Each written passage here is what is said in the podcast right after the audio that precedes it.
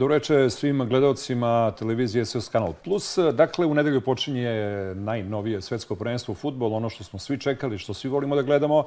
I posebno nam je drago kada naša reprezentacija učestvuje, a za razliku od nekih prethodnih sezona, ili bolje reći takmičanje, ali treba reći da je Srbija bila dosta uspešna kada je u pitanju svetsko prvenstvo. Naime, od 2006. godine ono je četvrto takmičenje od pet mogućih, samo nismo bili 2014. Doduše nismo baš igrali najbolje, nismo prošli grupu, ali sad nekako svi se nadamo da bi to moglo da se desi. Prvo da prođemo grupu, pa onda da vidimo dalje šta će da se dešava.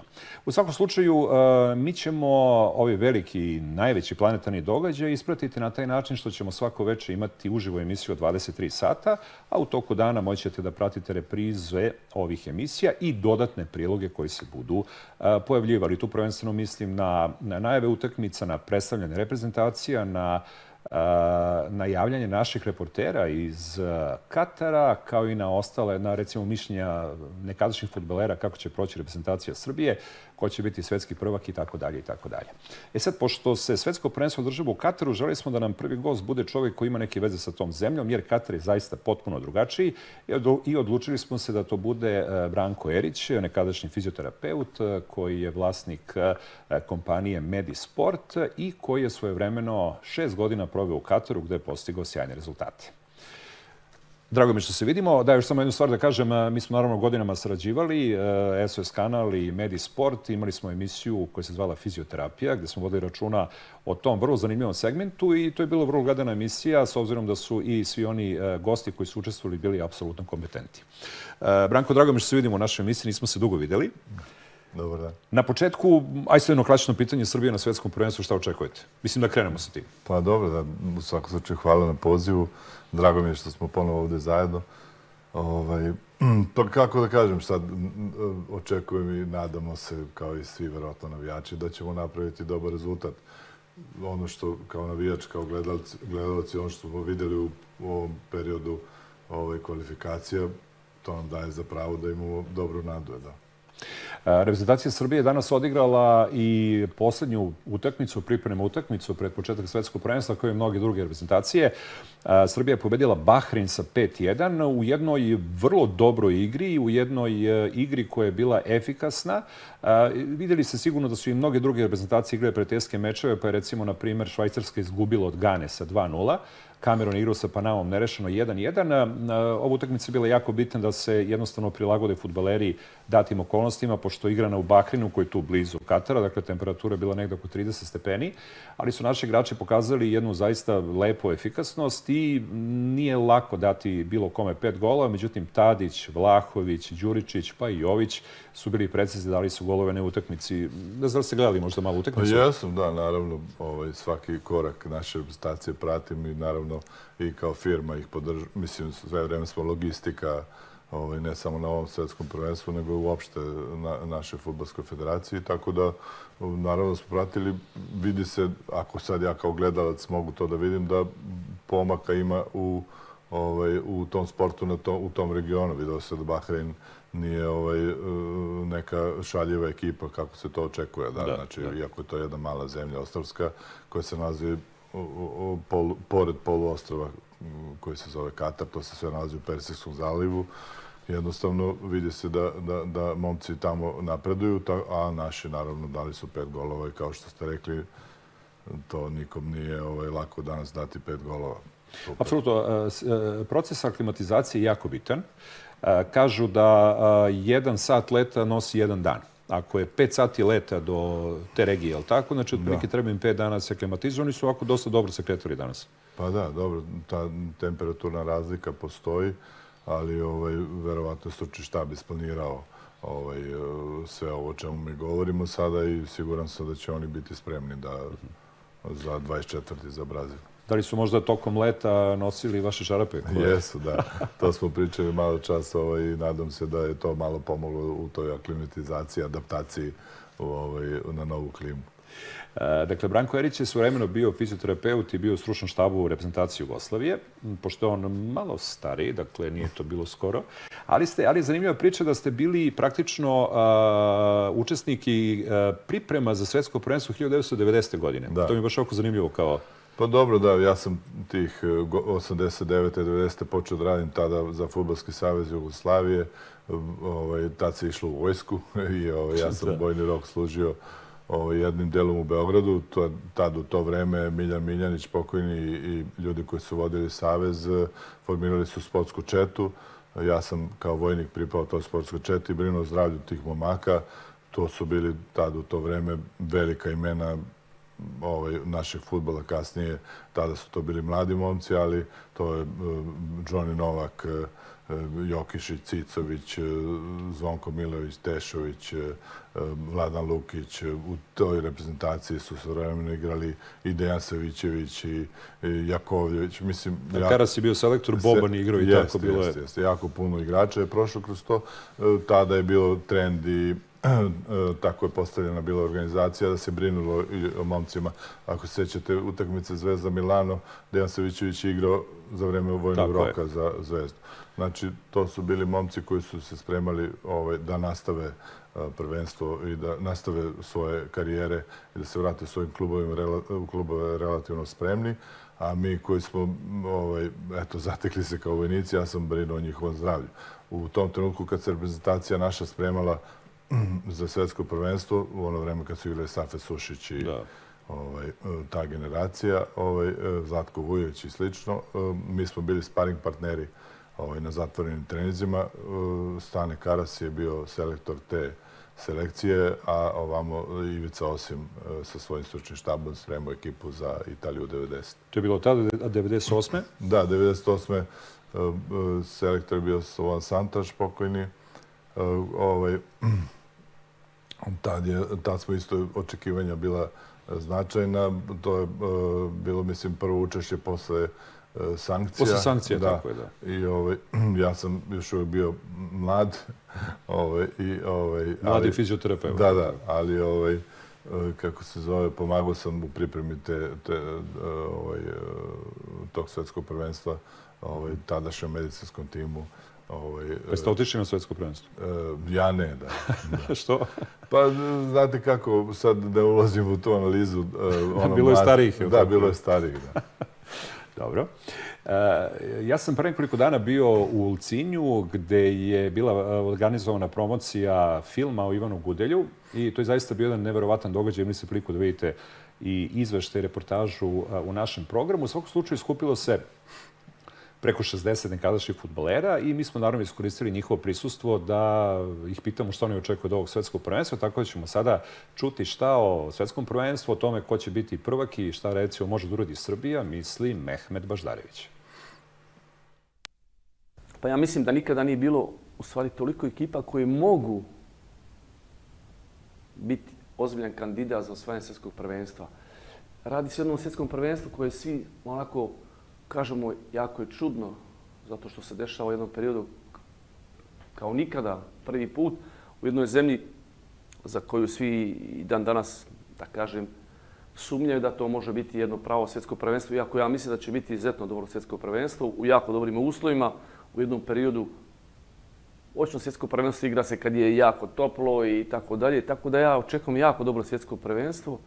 Puno kandidata ali mislim da oni kandidati koji su uvijek aktuelni, kao što je Argentina, Brazil, od, e, sa drugih kontinenta i naši evropski kandidati i, i Njemačka. I, mislim da su oni i dalje najozbiljniji kandidati. Međutim, ja bih dodao naše dvije selekcije, jer mislim da imaju jako, jako dobre ekipe i moćne ekipe i mislim da oni mogu po meni biti vrlo ozbiljan kandidat, ne da budu prvaci svijeta, ali da se umješaju za, za, za jednu ozbiljnu poziciju na ovom svjetskom prvenstvu. Mislim na reprezentaciju Hrvatske i Srbije. A isto tako moje Francuze, mislim da oni, ako ekipa bude kompletna, da oni, pored svih ovih koji smo nabrali, isto tako ostaju jedan vrlo, vrlo, vrlo ozbiljan kandidat za svjetskog prvaka. Pošto igrali dugo sa Stojkovićem, jeste očekivali da on može da bude, a on je sada pokazao vodeći i Srbiju, baš onako dobar trener, to je selektor. I čak mi se više čini da je išao na taj mentalni deo uh, igrača, da utiče na to. Jer mi ove igrače, e, kada je Srbija u pitanju, gledamo već godinama i tek smo sad videli kod njih neke kvalitete. Pa mislim da, da, da, da, da reprezentacija imala sreću da ima čovjeka kao što je Pixi. Sigurno da je on dobro analizirao i vjerojatno je taj, taj moment bio jako važan da ovoj reprezentaciji, da kažem, da vjeru ono što oni mogu, što znaju. I mislim da je u tome uspio na najbolji način da je pokazao reprezentacija Srbije ni, ni u jednom momentu ne sumnja i da kažem da je u stanju da, da, da, da je u najtežim trenucima izađe, izađe e, kao pobjednik. Broj dva, mislim da, da, da je Pixi imao sreću u istom momentu, da ima jednu plejadu, možda kao nikada, pogotovo rekao bi u tom napadačkom redu, igrače koji su, da kažem, stvarno vrhunskog nivoa i svjetskog nivoa, tako da, da se poklople neke stvari kada govorimo o Pixiju, koji je donio ono jedan karizam, karijeru koju je imao, jednu drskost koja je trebala toj reprezentaciji, ali mislim da i reprezentacija u svim linijama ima ono što treba za jednu veliku, veliku reprezentaciju. I mislim da oni čak po meni nisu dovoljno ni svjesni koliko kvaliteta ima u, u, toj, u toj reprezentaciji. Prema tome, ako se neke stvari, znate, slože, mislim da oni mogu ići daleko na ovom svjetskom prvenstvu. Eto, dakle, imali ste priliku da čujete i Mehmeda Baždarevića, koji je takođe bio u Kataru. Čini mi se da je naš gost uh, Branko Erić imao blagi uticaj da on dođe da. u Katar, je li tako? Da, kumovali smo malo, ovaj, obzirom da sam ja tu već nekoliko godina bio i onda bio sam u prilici da predložim nekoga i na ovaj, asistenciju naše saveza tada Jugoslavije ovaj, predložen je baš da Mehmet Baždarević i tako sam ja u toj prilici kad sam bio preporučio njega i on je došao u neki klub. Mislim, to se stvarno desilo slučajno. Nisam ja ovaj, neki menadžer, to je... Ovaj, pa dobro, ali... Da, takva je prilika bila. Ovaj, tamo, kako bi rekao, sam otišao... Da, kad ste bili u kom periodu? Da, pa od 2000 2001. do 2007. na primjer. Znači ovaj, šest godina? Da. Od, odveo me u stručnom štabu sam bio ovaj, koji je firmirao pokojni Batasani, pokojni Slobodan Santač, također naš selektor ovaj, bio Srbije i Jugoslavije u stvari. I, ovaj, I onda smo e, e, e, tamo proveli nekoliko mjeseci u, u tom prvom klubu Al Arabiju. Nakon nekog vremena e, najveći njihov klub Al Sad je, da tako kažem, prepoznao neko moje ovaj, delovanje i preveli su me u taj njihov, da kažem, Real Madrid, jel da? Mm -hmm. I, ovaj, I tamo sam proveo pet sezona. U tom periodu to je kraljevski klub, znači klub koji brine kraljevska porodica. Uh, u tom periodu je jedno vreme bio trener i Luka Peruzović sa svojim stručnim štabom, Riza Meško i Željko Mijač, ako se neko seća od gledalaca. To su, da, to su igrači Hiduka, Hiduka bivše, tako je ovaj, jedno vreme e, Bora Milutinović e, koji je imao veliki stručni štab sa ovaj, nekolicinom naše ljudi, između ostalih Miki Rajevac i i ovaj i i i Dragan Životić kao kondicioni e, Milova Rajević. samo sekund, da. samo da e bravo, odlično. Da. Kolege iz režije su odmah podreagovali. Slobodno neka idu slike, videćemo tu e, mnoge ljude koji ste pomenuli, ovaj Bora Milutinović e, bio neki rođendan ili nešto slično da, ili? Da, verovatno da. Dobre. Pa do, tamo smo se družili, ta neka mala kolonija e, e, Srba, ovaj kojih je bilo tada možda 30-ak u Vrglave, danas kažu da ih ima, evo ovde vidimo sad recimo i pokojnog Pokrajca i Vujovića i, Vujović, i e, Miki Rajevac i Saković i eto sve velika imena da kažem srpskog i jugoslovenskog i rukometa i sporta. I sporta generalno gledano, tako je. I ovaj e, družili smo se, sarađivali, pomagali se normalno je da ovaj evo ga Dragan Stojković Piksi današnji naš e, selektor ovaj, e, tada je bio predsjednik Futbolskog saveza Srbije.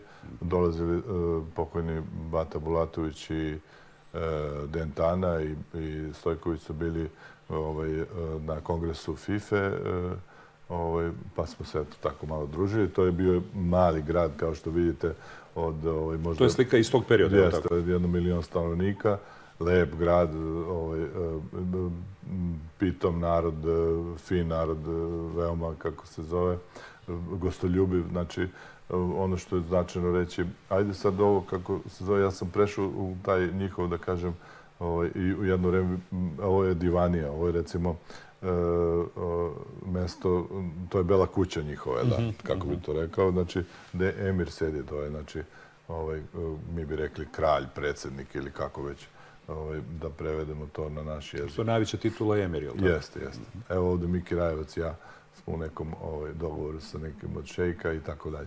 E, Jednostavno, proveo sam tih 5-6 lepih godina, bili smo učesnici e, i, ovaj, i Lige šampiona i bili smo šampioni mm, ovaj, nekoliko puta.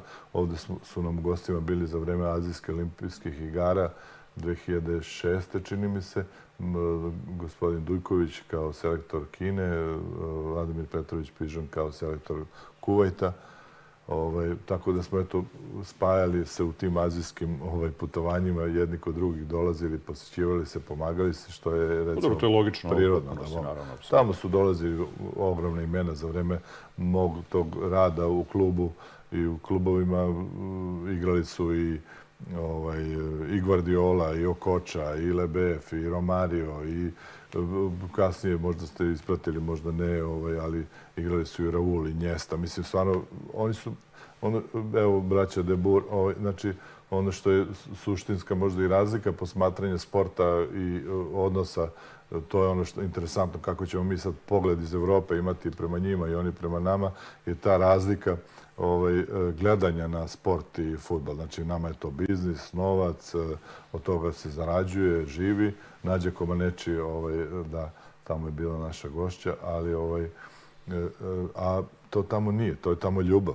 Oni su prebogati. To je jedna bogata, možda jedna od najbogatijih zemalja na svetu, sa najvećim prosječnim ličnim dohodom. Ne znam koliko publika zna, ali e, jednostavno e, ovaj, ovo je doktor Miodrag Mladenović, inače lekar, bivši lekar naše reprezentacije u futbolu, a inače sada lekar Crvene zvezde. I ovo je kolega Husein iz Tunisa. Ovaj, tu smo u Rijadu, ja mislim, igramo Ligu šampiona ovaj, protiv prvaka Saudijske Arabije. E, Da, ovo je otac Makarije, to je interesantno takođe. Tamo smo napravili, posle 14 vekova napravljena crkva, ovaj, nas tada 30 Srba ovaj, e, i nekolicina Grka koji su bili uticajni i koji su na položajima. Ovaj, uspeli smo da uz pomoć e, tada britanske ambasade i princa Charlesa koji je, ne znam, ovaj, kao što možda znate, ovaj, po ovaj, očevoj Očevoj strani je pravoslavac. pravoslavac I on je jedan od najvećih donatora Hilandara, to mnogo ljudi ne zna. Jeste, jeste. On je pomogao da se desi... I često ide na Hilandar. Da, če, on je pomogao da se desi da se ovaj, crkva tamo izgradi. Da Ali o tome ćemo pričati nešto Da. kasnije, to ćemo ostaviti u posljednjoj turi. E, Vidite sami, e, baš zbog toga smo i želi da dovedemo gosta koji priča o Kataru, jer je živeo tamo i u narednoj turi ćemo imati priliku da čujemo i neke stvari koje se tiču kraljevske porodice a, i uopšte uslova života u ovoj zemlji, u toj zemlji. A sada bi opet mogli da čujemo šta neki od bivših velikih zvezda iz SFRJ misle o tome ko će biti svetski prvak i kakve su šanse Srbije. Kažete mi šta mislite ko će biti prvak i šta mislite šta bi Srbija eventualno mogla da uradi? a Srbija ima izvaredan tim. I Srbija, ako prođe prvi krug, jer je grupa mnogo jaka, nadam se da će daleko da dogura. A ko će biti prvak, ne znam. Teško je, a ja bih volio da bude Srbija, normalno. Van toga, a ne znam, nešto nemam neke, neke favorite, ali Svi su tu negde. Čini mi se da ovo takmičenje da jedno 10 ekipa mogu da budu svetski prvaci, malte ne. sve je izjednačeno, ali ajde, možda Brazil da ima neku blagu prednost, ali ne znam, mo- može Srbija da ih iznenadi. Rekao sam, ako, ako prođe Srbija grupu, može daleko da dogura. Hvala. Ja normalno želim iz sveg srca. Pa slušajte da kažem, sigurno da ćemo mi svi da navijemo za Srbiju. Naravno, ova, ova, ova priča oko predsjednika Futbolskog saveza, to nije moment sada da se rešava.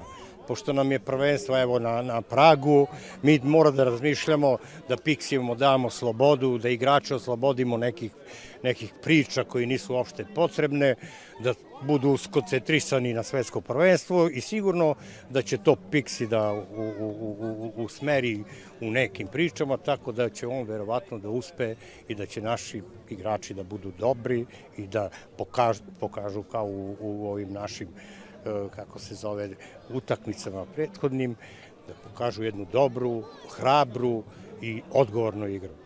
Očekujete, mislim, očekujete, svi mi očekujemo da prođemo grupu, a posle šta bude? Pa naravno, naša grupa je vrlo teška, to moramo da budemo objektivni.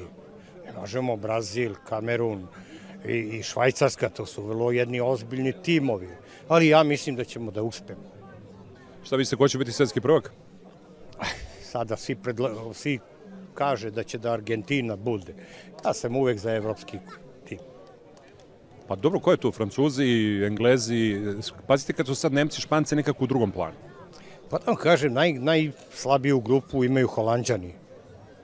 Tako da mislim da će oni da doguraju poprilično. Naravno, ne možemo da izostavimo Nemce i Francuze. To je nemoguće. Tako da mislim, ipak dajem prednost našim evropskim reprezentacijama. Ma Srbija bi ne samo sada igrala svjetsko, to je velika, velika ekipa i veliki igrači igraju. Mislim, Srbija je uvijek imala, one možda više imala, imala je ovaj, peh možda između sebe, njihov kontakt, odnosi prema, prema državi, prema Srbiji, da, da, da igraju igrači, ali to su igrači koji mogu, mnogo, ja, ja, ja bar mislim da mogu daleko da, da guraju. Ne mogu da kaže sada da će biti prvi ili nešto to. A, ima, znaju, znaju onda to ima drugi okolnosti koji dolaze do toga, ali sa kvalitetom onih koje Srbija ima, mislim da mogu, sigurno da mogu daleko da, da guraju. Ukoliko su vam možda promakli potpisi ovih futbalera, možda ih niste prepoznali, u pitanju su ovdje bili Dragan Vujović, nekadašnji futbalera budućnosti, potom Dušan Pešić, Napretka i Hajduka, a i posljednji je bio Dževad Šećer-Begović, čuveno levo krilo Slobode iz Tuzle. Gost u našem studiju je Branko Erić, koji je suvremeno radio u Kataru, naravno. I ono što nam je posebno zanimljivo, malo pro smo već načeli temu vezanu za kraljevsku porodicu, to je za život u Kataru tada, ne znam da se nešto promenilo u odnosu na sad, ali kada je kraljevska porodica u pitanju, vi ste onako imali dosta bliske kontakte s njima, što je velika čast, naravno. Da, pa dobro, to je onako neka bila i kruna te fizioterapeutske, da kažem, karijere, zato što kad to dotakneš, onda otprilike nemaš nazad kuda se vratiš. Znači, jednostavno, kad su mene izabrali u taj tim ljudi koji će brinuti o zdravlju porodice Altani, kraljevske porodice, o nekim članovima njihove porodice, naravno, opet zahvaljujući našem čoveku koji je bio već 20 godina lični lekar ovaj, u porodici ovaj, Emira, doktoru Zoranu Lakočeviću, ovaj, koji je također do 20 godina, od tih 20 godina, sigurno desetak godina prve u Kataru, ostalo vreme ovaj, sporadično u nekim drugim zemljama, ovaj, radeći sa, sa njima, sa tom istom porodicom. Sve u svemu treba reći možda našem čoveku koji odlazi odavde, ima tu interesantne stvari, postoji neka pravila ovaj, u, u ponašanju jeli, tamo. E, alkohol nije dozvoljen na javnom mestu. Kako čujemo sad u zadnjih vesti, FIFA je zabranila točenje alkohola. Nije FIFA zabranila, Katar je zabranio, Katar je zabranio točenje FIFA. piva. E, pa da. A, ovog alkoholnog može bez, bez alkoholno pivo i sad su već upali u problem s obzirom da je velika firma Budweiser sad će ispustiti problem oko toga sponzorsu, a mogu samo toče bez alkoholno pivo. Vidjet ćemo sad će biti da će biti promjer neke odluke. Vidim da su sad malo su zamirili svi. Ovako jednu stvar moramo da znamo o toj zemlji. E, oni lako prihvataju, mislim, na neki način ljudi, jer oni jako puno stranaca imaju tamo, dosta stranog živi. Znači, njih ima 300.000 ljudi lokalnog stanovništa, a oko 2,5 miliona možda i više ljudi stranaca koji tamo uglavnom rade. Da. Kada to imamo u vidu, kada to traje zadnjih e, nekoliko desetina godina, onda moramo biti svesni da ti ljudi lako prihvataju dođoše, da kažem. Ali dođoše moraju da poštuju neka pravila, jer da, ovaj, kao gosti u kući, jel tako? Oni su jedan pitom i gostoljubiv narod, ali u svakom slučaju ovaj, moramo neke stvari ispoštovati. Ovaj, znači, nema da držanja za ruku na pa, javnom mestu? Ne, nije toliko rigidno, nema preljube. Znači, ukoliko e, ovaj, e, primete ovaj, strasan poljubac ili zagrli ovaj, dvoje ljudi, e, ukoliko se legitimiše ako niste bračni drugovi, onda može nastati problem. Dobro. Ovaj, e, takođe može nastati problem ako na javnom mestu pijete ili točite alkohol, uh -huh. ali postoje za to, evo sad će biti na svjetskom prvenstvu fan zone, a biće, o, i uvek su bile obeleženi hoteli, restorani, ovaj, i na kraju krajeva u privatnoj režiji, znači moći ćete to da obavite sami. Sad na stadionu očigledno ne. Da. Što u neku ruku, ajde ako ćemo... Dobro, to su njihove da, pravile, da, mislim. A i baš jedna zanimljiva stvar koja se tiče sedenja, to da, sam isto rekao. Ima interesantna stvar, e, ovaj, e, smatra se uvredom ako sedite prekršteni nogu i džonom okrenuti prema sagovorniku, to se smatra da da nije lepo, da nije ovaj, uljudno i da je malo uvredljivo. Takođe, to islam nalaže u Kuranu piše i ovaj kogod ima kontakt sa ovaj ljudima muslimanske veroispovesti zna da levu ruku oni ne koriste za pozdravljanje. Ovaj, i za rukovanje i za bilo kakav kontakt. Znači, trudite se, da, trudite se da uradite sve desnom rukom kad da. je taj čin pozdrava u pitanju. Znači, to su neke male stvari kažem opet, to je bogata zemlja, prebogata. Ljudi, ne, ne znam da znaju da od tih 300.000 stanovnika e, lokalno stanovništvo, više od 10% tih ljudi je milions, u dolarima, kad govorimo, milionski ovaj, da. uh, uh, mislim, znači, prebogati, prebogati ljudi. Znači, tamo se postoji mala šala, kaže se, ovaj, kaže, ovaj, kad Kataren ima samo jedna kola, jednu kuću i jednu ženu, on se smatra relativno siromašnim. Siromašnim. Da, znači, ovaj, to je onako interesantno. Kažem, imao sam priliku da su oni između svih, opet kažem, ovaj, izabrali mene ja sam bio deo tog tima koji je brinuo o zdravlju ovaj, ka, eh, te porodice, kraljevske porodice. E, brinuo sam e, nekoliko godina i ja sam sve vreme ipak tražio da ostanem vezan za klub, jer nekako sport i futbal i sam taj posao mi je bio ljubav koju nisam teo da prekinem, e, jer je ovo neki zlatni kavez u koji te ubace tako i onda to malo ovaj drugačije. Da moraš se držaš pravila raznoraznih i tako dalje. Tako da, ali eto, bio sam blizak jedno vreme ovaj, sa njima. Sve u svemu, ovaj, to bogatstvo i to sve, to će sve naši navijači koji odu ili e, e, ovaj, sami igrači, mislim da, da će to videti. Objekti, infrastruktura i e, bolnice, mislim, sve je to na tako jednom visokom nivou prosto neshvatljivo. Znači, za, za Evropu, čini mi se. Dobro. Branko Erić je naš gost u studiju. Da vidimo još nekoliko mišljenja bivših futbolera u ovom svetskom prvenstvu. U pitanju su Ivan Gudelj, Stanislav i Stanislav Karas i potom ćemo vidjeti jedan EPP blok, pa se ponovo vraćamo u studiju. Hrvatska je na svim natjecanjima od samostalnosti Hrvatska, znači u nogometnom smislu osim dva puta nisu bili na završnici. Kontinuitet i to ozbiljan kontinuitet. Da.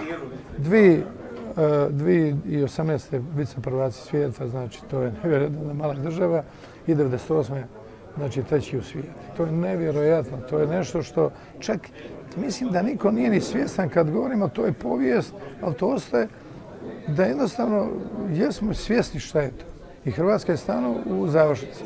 Hrvatska ima sjajnu momčad, ima i silnu energiju, ima taj naboj i to je već jedna situacija u kojoj Hrvatska igra rutinirano, mislim rutinirano, kad se stanu na tim završnicama. Ono što je bitno i što vjerujem, Ovo je grupna faza natjecanja, da će Hrvatska, prvo dan se je najbitnija da se ne izgubi ili pobijedi, onda je to velik, e, velik vjetar u leđa, da prođe grupu. To je, onda rekli, to je taj prvi korak. Onda dolaze eliminacijske, znači onda nastaje nokaut faza i to se pripremamo utakmice po utakmice. Isto tako za Srbiju. Piksiju treba čestitati. Srbija nakon dugo vremena uvijek imala dobru reprezentaciju, odlični igrači i bilo je splet nesretnih ili bilo kakvih okolnosti. Sad je to Pixi stavio na svoje i mislim da Srbija isto tako e, će proći prvu grupu i na kraju utakmice po utakmicu. Što se go poslije napravi, to je onda ogroman uspjeh. A ne znam, ja sam strog u, tim ok, okvirima kad je u pitanju prognoziranje i kad je u pitanju uopšte da li reprezentacije, da li zvezda. Ja to gledam drugačije poredim igranje naših igrača u inostranstvu sa onim što daju u našoj reprezentaciji. Oni pokazuju jedan veliki kvalitet tamo, iz jednog prostog razloga ko razume futbal, on to mora tako da vidi, a većina ljudi ne vide tako, da oni um, ne razumeju zašto naši igrači igraju dobro a naši igrači igraju dobro zato što igraju sa boljim igračima nego što imaju kod nas u reprezentaciji. I ja se toga plašim. Vidim da se dosta lagano obhode prema prvom ovom ovaj, meču sa Brazilcima, a objektivno mi smo pregurali 74. godine, prva utakmica nam je bila Brazil. I oni nisu mogli ni da daju gol, mi smo imali bolje šanse, igrali smo brže, bolje i trebali smo da pobedimo. Iako su tamo bili gromogravni igrači, čudo od igrača. Mene sada malo plaši što smo toliko opušteni, a znamo da su to igrači koji mogu svakog trenutka da upale dodatne neke motore i da nas povede.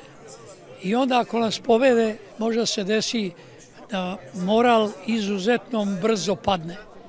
Zato što mi već vidimo sebe u polufinalu, vidimo u finalu, mislim, treba da osvojimo, to su priče kroz novine, koje ja jednostavno mislim da nisu u redu i ne bi trebali da postavljaju uopšte ni pitanje ljudima oko tom plasmana. Mi moramo da uradimo maksimalno koliko možemo. A koliko možemo, to ćemo vidjeti na prvoj utakmici. Pratite emisiju Mundijela u Kataru. Naš gost je Branko Erić. Ja sam u principu napravio grešku, što vas nisam zvao jedno 20 dana da napravimo emisiju na sat vremena i da lepo predstavimo ljudima sve ono što je interesantno vezano za Katar, ali uradit ćemo to u nekom narednom periodu. A sad ćemo za ovaj posljednji, posljednji deo naše priče večeras reći nekoliko reči o crkvi. To mi je vrlo interesantno i ja nisam siguran ko zna uopšte za tu informaciju. Da. Pa dobro, ovaj, to je, zahvaljujući, već smo spomenuli, e, britanskoj ambasadi koja tamo egzistira i ovaj, projektu našem koji tamo postoji e, i nekim pojedincima. Već smo spomenuli doktora Zorana Lakočevića, ovaj, moramo da kažemo da, ovaj, da u tome svemu su doktorka Iva Božović, koja je jedna od prvih naših ljudi koja je tamo radila, ginekolog koja je dugo vremena provela i puno pomogla našoj zajednici srpskoj. Ja se izvinjam, samo ja sam krenuo tako kao da ljudi znaju o čemu se radi, možda za one koji su uključili, pričamo dakle o svetskom prvenstvu u Kataru, o Dohi i o pravoslavnoj crkvi koja je, je e, napravljena kad koje godine? E, pa 2005-2006. godine mhm. počela projektovanje i ovaj, izgradnja u, celoj toj priči je nastavljena i gradnja je trajala nekolicinu godina. Ja kad sam, kad sam bio dole, kad smo bili dole, mi smo e, pravili neke sajmove na kojima smo prodavali neke rukotvorine iz našeg zemlje i neka jela spravljali naše žene koje su dole iznosile na taj sajam i tako smo prikupljali novac, a ovaj, e, naravno to su male donacije, velike su donacije bile od strane e, i lokalne države i naše zemlje i ovaj, velikih privrednika a ovaj i same ovaj crkvene zajednice, a s druge strane ovaj kad smo se vratili, onda smo pravili izvese koncerte. Tu nam je pomagala kulturno društvo Lola. Ovaj, e, pomagali smo se međusobno e, za to vreme. Moram da spomenem Borisa, ovaj, kolegu fizioterapeuta koji je dugo radio sa rukometom reprezentacijom. Ovaj, Žarka, doktor Žarka Vučkovića koji je također dole još uvek, koji će biti jedan od domaćina, verovatno, naše reprezentacije. Pre dva, tri dana sam se čuo sa ocem Makarijem, koji je tamo ovaj, e, e, monah, ali je ovaj, e, sveštenik u našoj crkvi. I dogovorili smo se da izađu susret našoj reprezentaciji u slučaju da bude potreba da neko ode do crkve na liturgiju, na, na molitvu ili bilo što drugo a ovaj, i pokušat će da nađe vremena i do, do, do, naše, do naših momaka, ako za to bude potrebe i vremena eh, od strane naše ekipe. Crkva se nalazi u Dohi, je li tako? Tako je. Da, da, je tu negde u centru se, ili Ne, nalazi se na periferiji grada, bez obeležja ovaj, eh, eh, ovaj, pravoslovnih obeležja na spoljnim zidovima, da ne bi se iritiralo lokalno stanovništvo. Takav je dogovor bio sa državom Katara i sa vladajućom strukturom. Da li mislim veliki, da je veliki uspeh uopšte što je napravljeno? To je da. ili obnovljena? Da. Pa sad da ne ulazim u te istorijske ovaj, analize i priče, ali kažu da posle 14 vekova da. ponovo se crkva pravoslavna hrišćanska nalazi tamo. Opet kažem, uz pomoć velikog broja Grka. Ono što treba možda reći, e, Grci e, tamo se nalaze na ovaj, značajnim položajima, e, što također isto značajno reći da se ne sumlja u to da će Katar sa sigurnošću ovaj, pred svet izaći sa najboljim mogućim licem, Oni su 2003.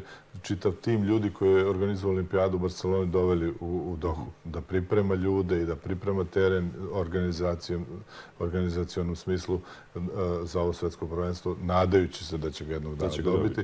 Pa su tako isto uradili 2010 ovaj, sa Grcima iz Atine, koji su organizovali olimpijadu i tako dalje.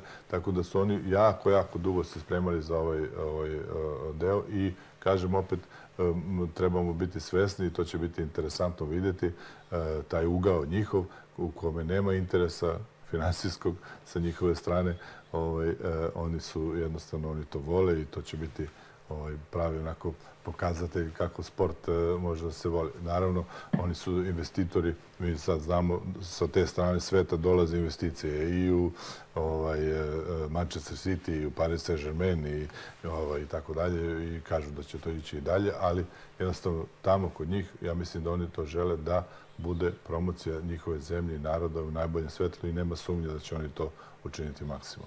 Da, iako ih e, politički maksimalno pritiskaju sa zapada i to su do toga da se politika toliko mešala u futbal, pa će pojedine reprezentacije, iako vidim da polako odustaju, Francuzi su već rekli da neće nositi kapitensku traku u duginim bojama, pošto kažu treba ispoštovati domaćina. Stvarno je malo nekulturno ako dolazite kod nekog u kući, onda mu diktirate pravila života, nevezano koliko ste u pravu ili niste.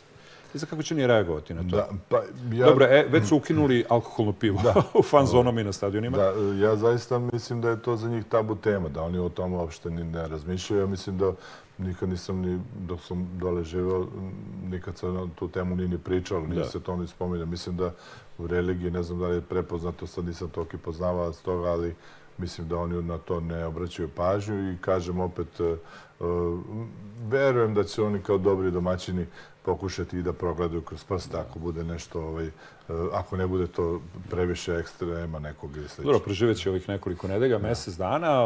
Vojno su obezbeđeni, NATO će pomoći oko svega. Dolazi puno pakistanskih vojnika, turskih vojnika, engleskih vojnika, američkih, tako da, s te strane... Da, treba istaći da je to jedna sigurna zemlja koja zaista ovaj, u, u, ne postoji nikakav kriminal, nikakva vrsta kriminala. Vi nikad niste čuli da je nešto ukradeno, obijeno. A terorističke akcije se dešavaju dole, ne? ne? Znači sve onako totalno mirno. Kažem, jedan pitom, dobronameran, gostoljubiv narod i mislim da će oni u svakom slučaju učiniti sve da budu dobri domaćini, to sumnje nema.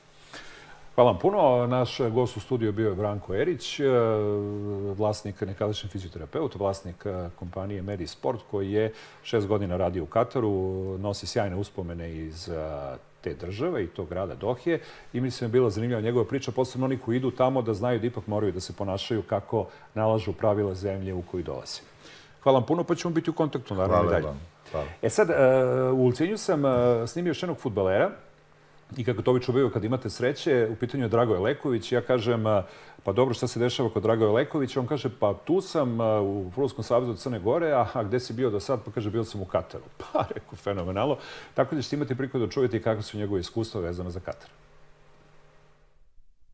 Naš sagovornik je Dragoje Leković. Drago mi što su se našli ovde u Ulcinju. Izgledate sjajno. Mislim, možete sad skinete lagano da branite. Hvala, hvala. Šta treba to radite? Trenutno sam u Futbol Savjez Crne Gore u Centru za edukaciju. Radim kao edukator trenera. Ali bili ste do skore u Kataru, je li tako? Da, dvije godine sam proveo u Kataru sam bio. Prije toga sam devet godina radio kao uh, trener golmana na reprezentaciji Crne Gore. I kako izgleda Katar? Pa Katar je bio izgledao izvaredno, spremao sam svetsko prvenstvo. Znači, stadioni su bili fenomenalni. Pošto smo imali prilike da igramo na, recimo, tih osam novih stadiona, mi smo igrali na dva stadiona prvenstvene utakmice i stvarno je to bilo na tom najvišem standardu za današnje vrijeme.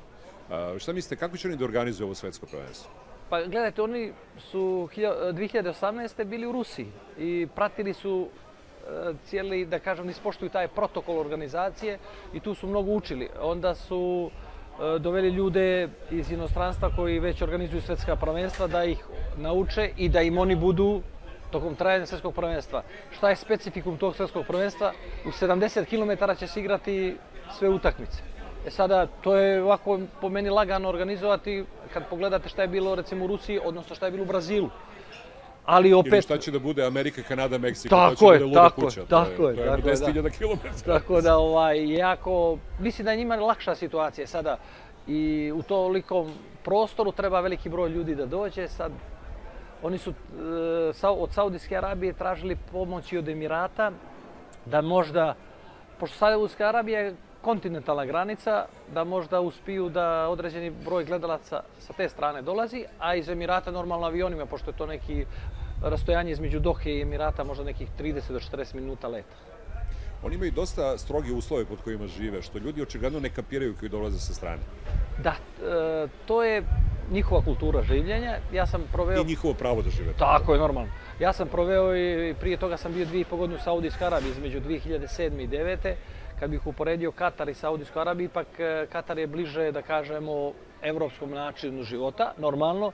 Oni neće da odustanu od svoje tradicije i to, to je, ja mislim, i FIFA prihvatila je sada e, traži od njih u određenom dilu da se prilagode. Konkretno, ono što navijači žele da imaju pristup alkoholnim proizvodima i ja mislim da su oni tu napravili neke ustupke da bi to bilo tako kako treba. E sada ja vam kažem opet, ja već godinu dana nisam tamo, ne znam precizno, ja pričam za vrijeme dok sam bio, pratio sam to da su već u hotelima svim dozvolili da se prodaje alkohol e, i onda sam, ta, onda sam čuo da će u tim fan zonama biti dozvoljeno isto prodaje alkohol. Da li će to tako biti, evo vidjet ćemo za neki desetak dana. Da, nisam će dozvoliti držanje za ruke na ulici i povraćanje po ulicama pijanih, to vjerojatno neće. Tako da će biti to potpuni cirkus, šta će tamo tako, da se tako. dešava. E, sada, to je interesantno, ovaj, ovo što ste rekli, šta se dešava na ulicama. Njihove ulice su čiste kao da niko i ne prolazi. Tako izgleda. Nemate nigde, da kažemo, što kažu kod nas, sloboda e, grafite i to ne, nigde ne postoji. E sada, da li će se to desiti tokom svetskog prvenstva? E, mislim da će i oni imati labaviju, labaviju situaciju prema strancima. Znači, neće toliko biti policija striktna. Ja za te dvije godine niti sam vidio policajci kada me zaustavio, niti bih išta pitao. Tako da s te strane mogu sve da kažem pozitivno. A, šta misliš šta Srbija može da uradi na svetskom prvenstvu? Na prošlom svetskom prvenstvu sam gledao utakmicu Srbija-Brazil. I u toj utakmici se vidjela razlikova na strani Brazila. Ovo što sam pratio kroz kvalifikacije i reprezentaciju Srbije, kad bi gledali prvu utakmicu Portugal-Srbija u Beogradu i ono prvo polovrijeme, ne bi sigurno niko bio zadovoljan ko želi da Srbija napravi nešto. Ali kad bismo pogledali drugo polovrijeme da je reprezentacija napravila 2-2, kad bismo gledali cijeli tok kvalifikacija i fenomenalnu utakmicu u Portugalu, gdje je Srbija potpuno zasluženo pobjedila Portugal na jedan način, do toga dana niko Portugala tako nije pobjedio. Sigurno razmišljanje ide u pravcu da Srbija može da napravi veliki rezultat. Dragan Stojković je bio zajedno sa mnom na dva svjetska prvenstva. Bili smo u Italiji zajedno 90. i 98. On najbolje zna šta su bile dobre, a šta loše strane dva, ta dva svjetska prvenstva. I sigurno one loše strane koje su nas možda negdje koštala nečega, neće sigurno dozvoliti da mu to bude nešto što može da mu napravi sitnije problem. A ovo što se tiče njegovog rada, on je napravio, podigao Srbiju na nivo gdje može da igra sa svakim 50-50.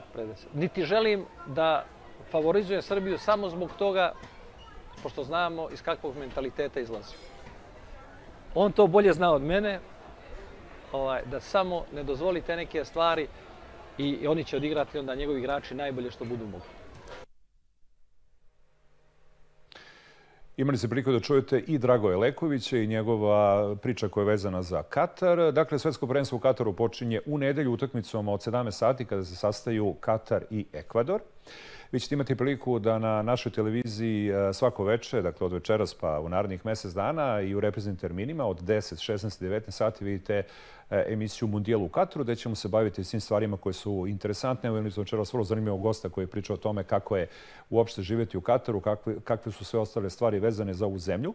U tom kontekstu bit će još puno interesantnih gostiju, bivših futbalera, glumaca, zatim novinara koji će na svoj način pokušati da nam približe ono šta oni misle o tome kako će igrati reprezentacija Srbije.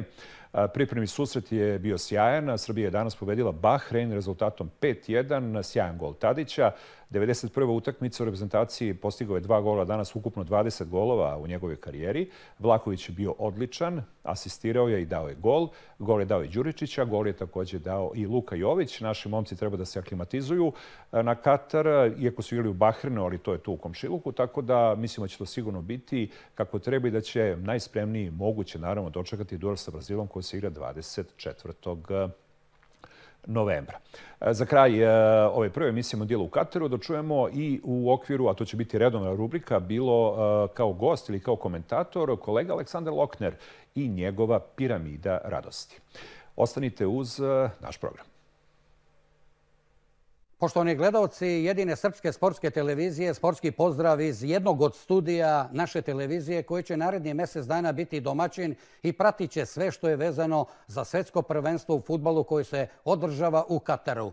Naša reprezentacija Srbije majstralnim igrama plasirala se i naravno mnogi očekuju da će momci Piksija Stojkovića pokazati i kako snagu i u tom prvom krugu, inače pakleni krug, to moramo da vam kažemo. Igramo prvo sa Brazilom, pa je protivnik ekipa Kameruna da bi 2. decembra ove godine igrali pa možda i odlučujuću utakmicu sa Švajcarskom. Ipak Piksi Stojković, selektor, ne misli možda tako, možda misli da može sve da se reši u prva dva meča. Navijači ovih dana zaista dosta pričaju o tome i predviđaju da možemo da napadnemo ekipu Brazila, a pošto igramo prvu utakmicu 24. na jednom od najvećih stadiona u Kataru koji može da primi 80.000 gledalaca, to je Lusail stadion u Kataru, dakle gde će se igrati ta utakmica. Verujemo pun stadion će biti. Da vam napravimo jedno poređenje iz davne 1974. godine kada je naša selekcija na jedan turbulentan način došla do svetskog prvenstva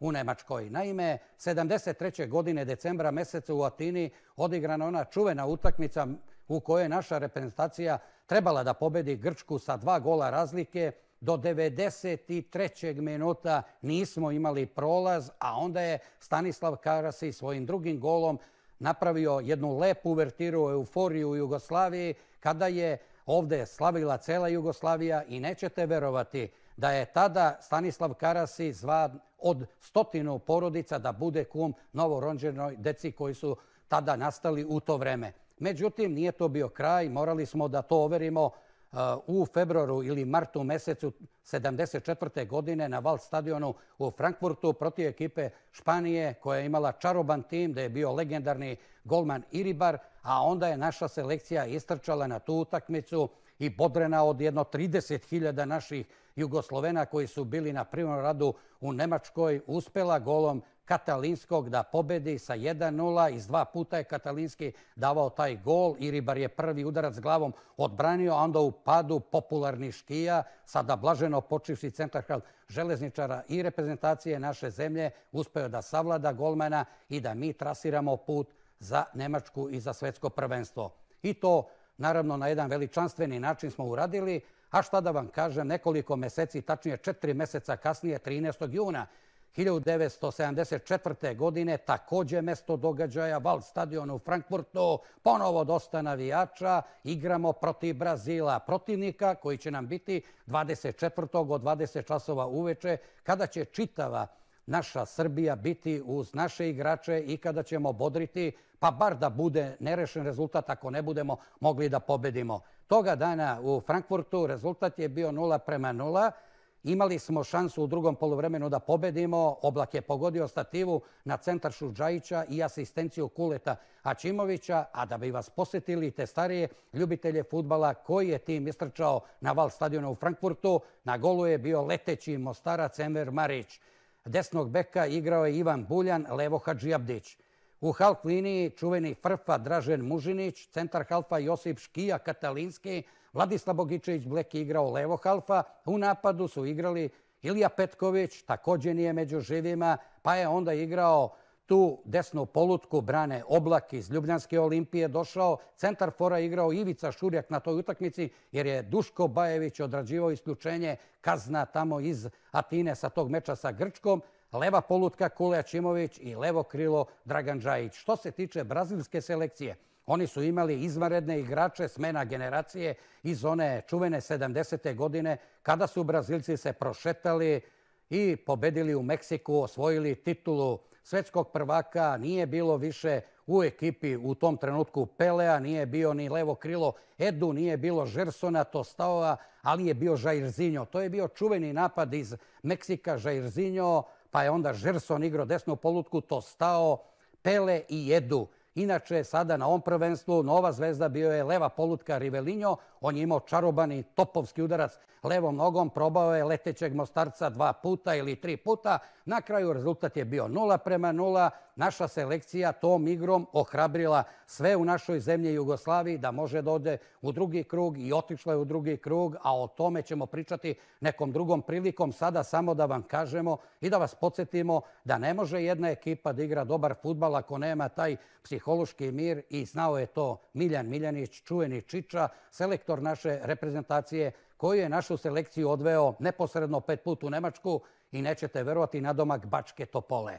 Od Bačke Topole preko Bajše pa do Panonije nema više od deseta kilometara. To je jedan mir, to je jedna tišina, to je crkutica, hotel sa dve zvezdice u to vreme, nećete verovati, skromno dosta za današnje uslove, ali Čiča je znao šta radi, odveo je našu selekciju, oni su napunili se tamo pozitivnom energijom, dobili taj duševni mir, izašli u Nemačku na to takmičenje i sve ostalo što vam ja sada pričam je istorija. Mi smo pre nekoliko godina ponovo bili na Panoniji kada su tamo igrali reprezentacija, tačnije selekcije Partizana, Crvene zvezde, Vojvodine, isti hotel, isti teren, sve ostalo isto, ništa nije to eksplodiralo, iako su turistički poslanici Bačke Topole mislili zbog boravka reprezentacije, to je ta zanimljivost, da će hotel dobiti onako preko noći jednu treću zvezdicu. Nije je dobio, ali je i dalje tamo čarobno i lepo i to bi bilo sve za ovu priču koja eto dolazi